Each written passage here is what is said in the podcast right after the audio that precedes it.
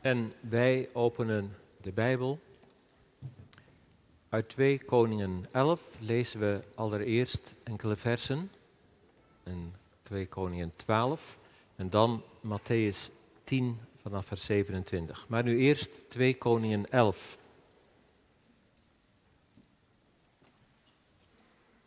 Toen Atalia, de moeder van Ahazia, zag dat haar zoon dood was, stond ze op en bracht ze heel het koninklijk geslacht om. Maar Jozeba, de dochter van koning Joram, de zuster van Ahazia, nam Joas, de zoon van Ahazia, en nam hem weg uit het midden van de zonen van de koning die ter dood gebracht werden. En bracht hem en zijn voedster naar de linnenkamer, en ze verborgen hem voor Atalia, zodat hij niet gedood werd. En hij bleef zes jaar met haar verborgen in het huis van de Heere, terwijl Atalia over het land regeerde. In het zevende jaar stuurde Jojada boden en liet de bevelhebbers over honderd van de garde en van de lijfwacht halen. Hij bracht hen bij zich in het huis van de Heer en sloot een verbond met hen. En hij nam hun in het huis van de Heer een eed af en toonde hun de zoon van de koning. En dan lezen we vers 21 van hetzelfde hoofdstuk. Joas was zeven jaar oud toen hij koning werd. In het zevende jaar van Jehu werd Joas koning en hij regeerde veertig jaar in Jeruzalem. De naam van zijn moeder was Zipja uit Berseba. En Joas deed wat juist was in de ogen van de Heere al zijn dagen, waarin de priester Jojada hem onderwees. En dan lezen we verder in Matthäus 10, vers 27 tot 33. Daar zegt Jezus, wat ik u zeg in het duister, zeg het in het licht. En wat u hoort in het oor, predik dat op de daken. Wees niet bevreesd voor hen die het lichaam doden en de ziel niet kunnen doden, maar wees veel eer bevreesd voor hem die zowel ziel als lichaam te gronden kan richten in de hel. Worden niet twee musjes voor een pennetje verkocht en niet één van die zal op de aarde vallen, buiten uw vader om. En ook de haren van uw hoofd zijn alle geteld. Wees dus niet bevreesd, u gaat veel musjes te boven. Ieder dan die mij beleiden zal voor de mensen, die zal ik ook beleiden voor mijn Vader die in de hemelen is. Maar wie mij verloochenen zal voor de mensen, die zal ik ook verloochenen voor mijn Vader die in de hemelen is. Tot zover de lezing uit het heilig woord van God. Zalig die het hoort en die het bewaart. Gemeente, de verkondiging is uit het eerst gelezen gedeelte 2 Koningen 11 en 12 voorbereid voor een koninklijke taak. dan valt het op dat er eerst staat, ze verborgen hem, de kleine Joas. En dan later, hij bracht hem in het licht. Voorbereid op een koninklijke taak. Gemeente van Christus, doopouders, geliefden. De afgelopen week was het in het nieuws. Twee Nederlanders werden in Marokko veroordeeld tot een levenslange gevangenisstraf. Ze waren betrokken bij een afrekening in het criminele circuit. Ze hadden echter de verkeerde gedood, de zoon van een rechter. Onthutsend geweld. In de Nederlandse samenleving hebben we er geregeld mee te maken. Trouwens, op veel andere plekken in de wereld, zoals we weten. Ik moest er wel even aan denken. Bij dat gedeelte uit 2 Koningen 11 dat we gelezen hebben.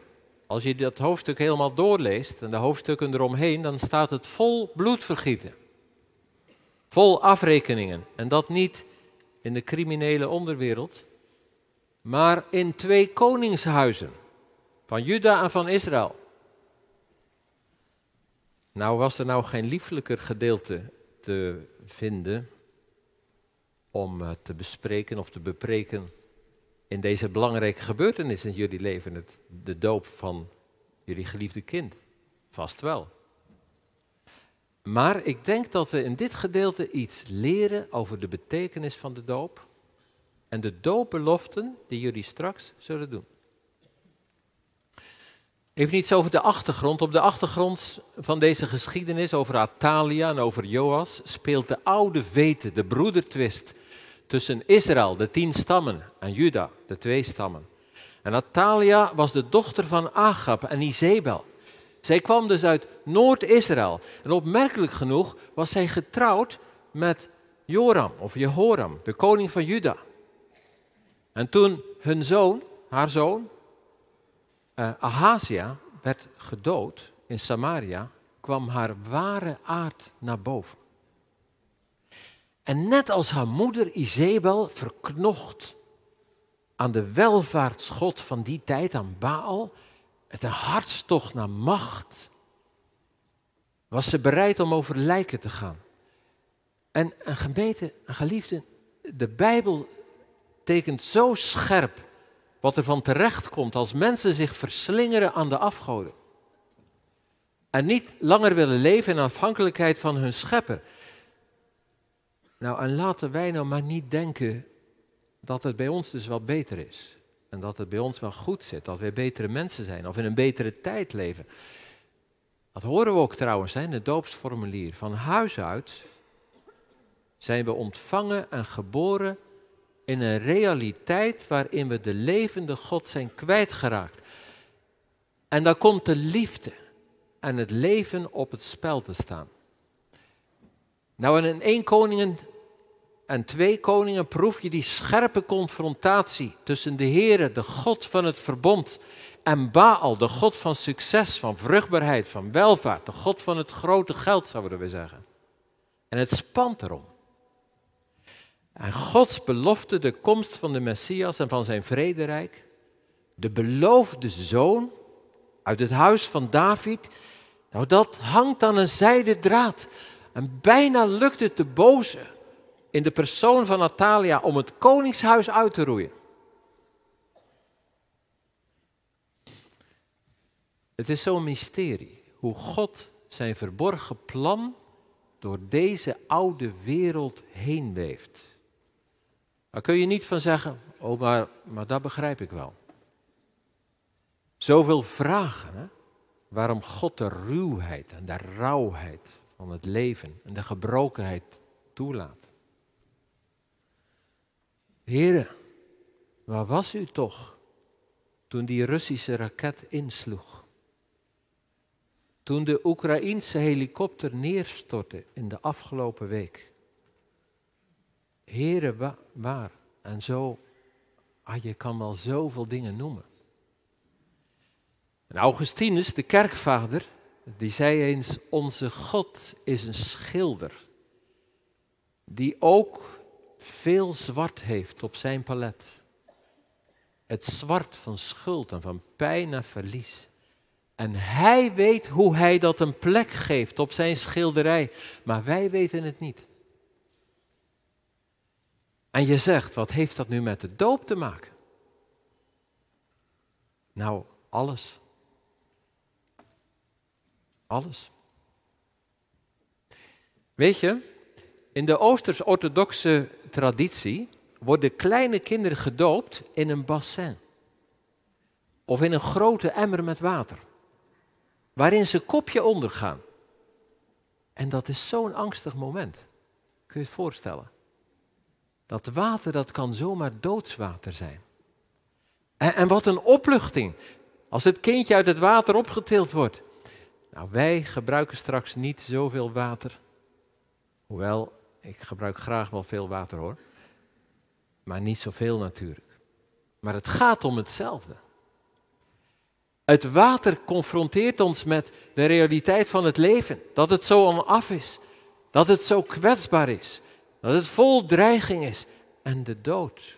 Je zou je kind er wel voor willen beschermen natuurlijk. Altijd. Zolang als je kunt. Maar je kunt het niet.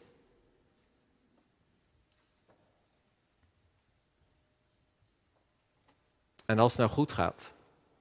En wat is het heerlijk als je kind mag opgroeien. Als, als het voorspoedig gaat in je gezin. In zonlicht van liefde van de ouders. De eerste keer naar school. Eerste examen. Eerste rijlessen. De eerste liefde. En, en, en wat is het mooi als, als je het als ouders kan voorbereiden op, op de taak in het leven. Een wereld vol mogelijkheden en vol beloften. En als het goed gaat, als je vooruit kunt in je leven, maar vergeet dan je doop niet. En wat Hij voor je heeft gedaan, in dankbaarheid voor, voor Hem die je gered heeft uit een leven zonder toekomst. Maar ik kijk vooral ook naar de doopouders, maar naar, u allemaal, de gemeente. Zoals u hier zit of verbonden zijn met deze dienst. Wil je er ook aan denken als het niet zo goed gaat? Als het zo anders gaat dan je zou willen? Als je je zorgen maakt over een wereld waarin waarheid en leugen door elkaar heen geweven worden. Over een samenleving die harder en onveiliger wordt. En misschien ken je ook die angst dat je niet goed genoeg bent. Dat je misschien een andere keuze had moeten maken. En je denkt ook aan je gezin, hoe dat dan moet. Alleen al omgaan met de smartphone en keuzes die kinderen maken. Is niet zo makkelijk vandaag. En dan terug naar je doop. Want de Heer heeft je door het water heen gehaald. En dat mag je ook aan je kinderen zeggen. En dat doet Hij nog steeds als het ware. Met je schuld, met je tranen, met je gebrokenheid. Met je eenzaamheid die niemand ziet. Dat is het water van de doop dat ons eraan herinnert. Nou, sterker. De doop wil ons vooral herinneren aan Christus. Hij, de geliefde zoon van de Vader, hij ging onder toen hij zich liet dopen in de Jordaan. In het doodswater dat vol was van de zonde van de mensen. En aan het kruis werd hij gedoopt met de dood, omdat hij onze schulden op zich nam. En om onze ziekte en onze pijn te dragen, kwam hij in het donkere water van het lijden. Zie het? En in de doop worden we nu verbonden met Hem, met Zijn lijden en sterven en met Zijn kruis. En meer nog, met Zijn opstanding. En daarom zijn we hier. Omdat Christus leeft en Hij wil dat we leven. En nu breng je vol dankbaarheid, breng je kind in het huis van God. En dan wordt zijn of haar naam verbonden aan zijn grote naam, Gods grote naam, verbonden ook aan Christus. En dan krijgt je, je kind een gezicht, je toont het ook aan de gemeente en aan de Heere God. En het krijgt een roeping.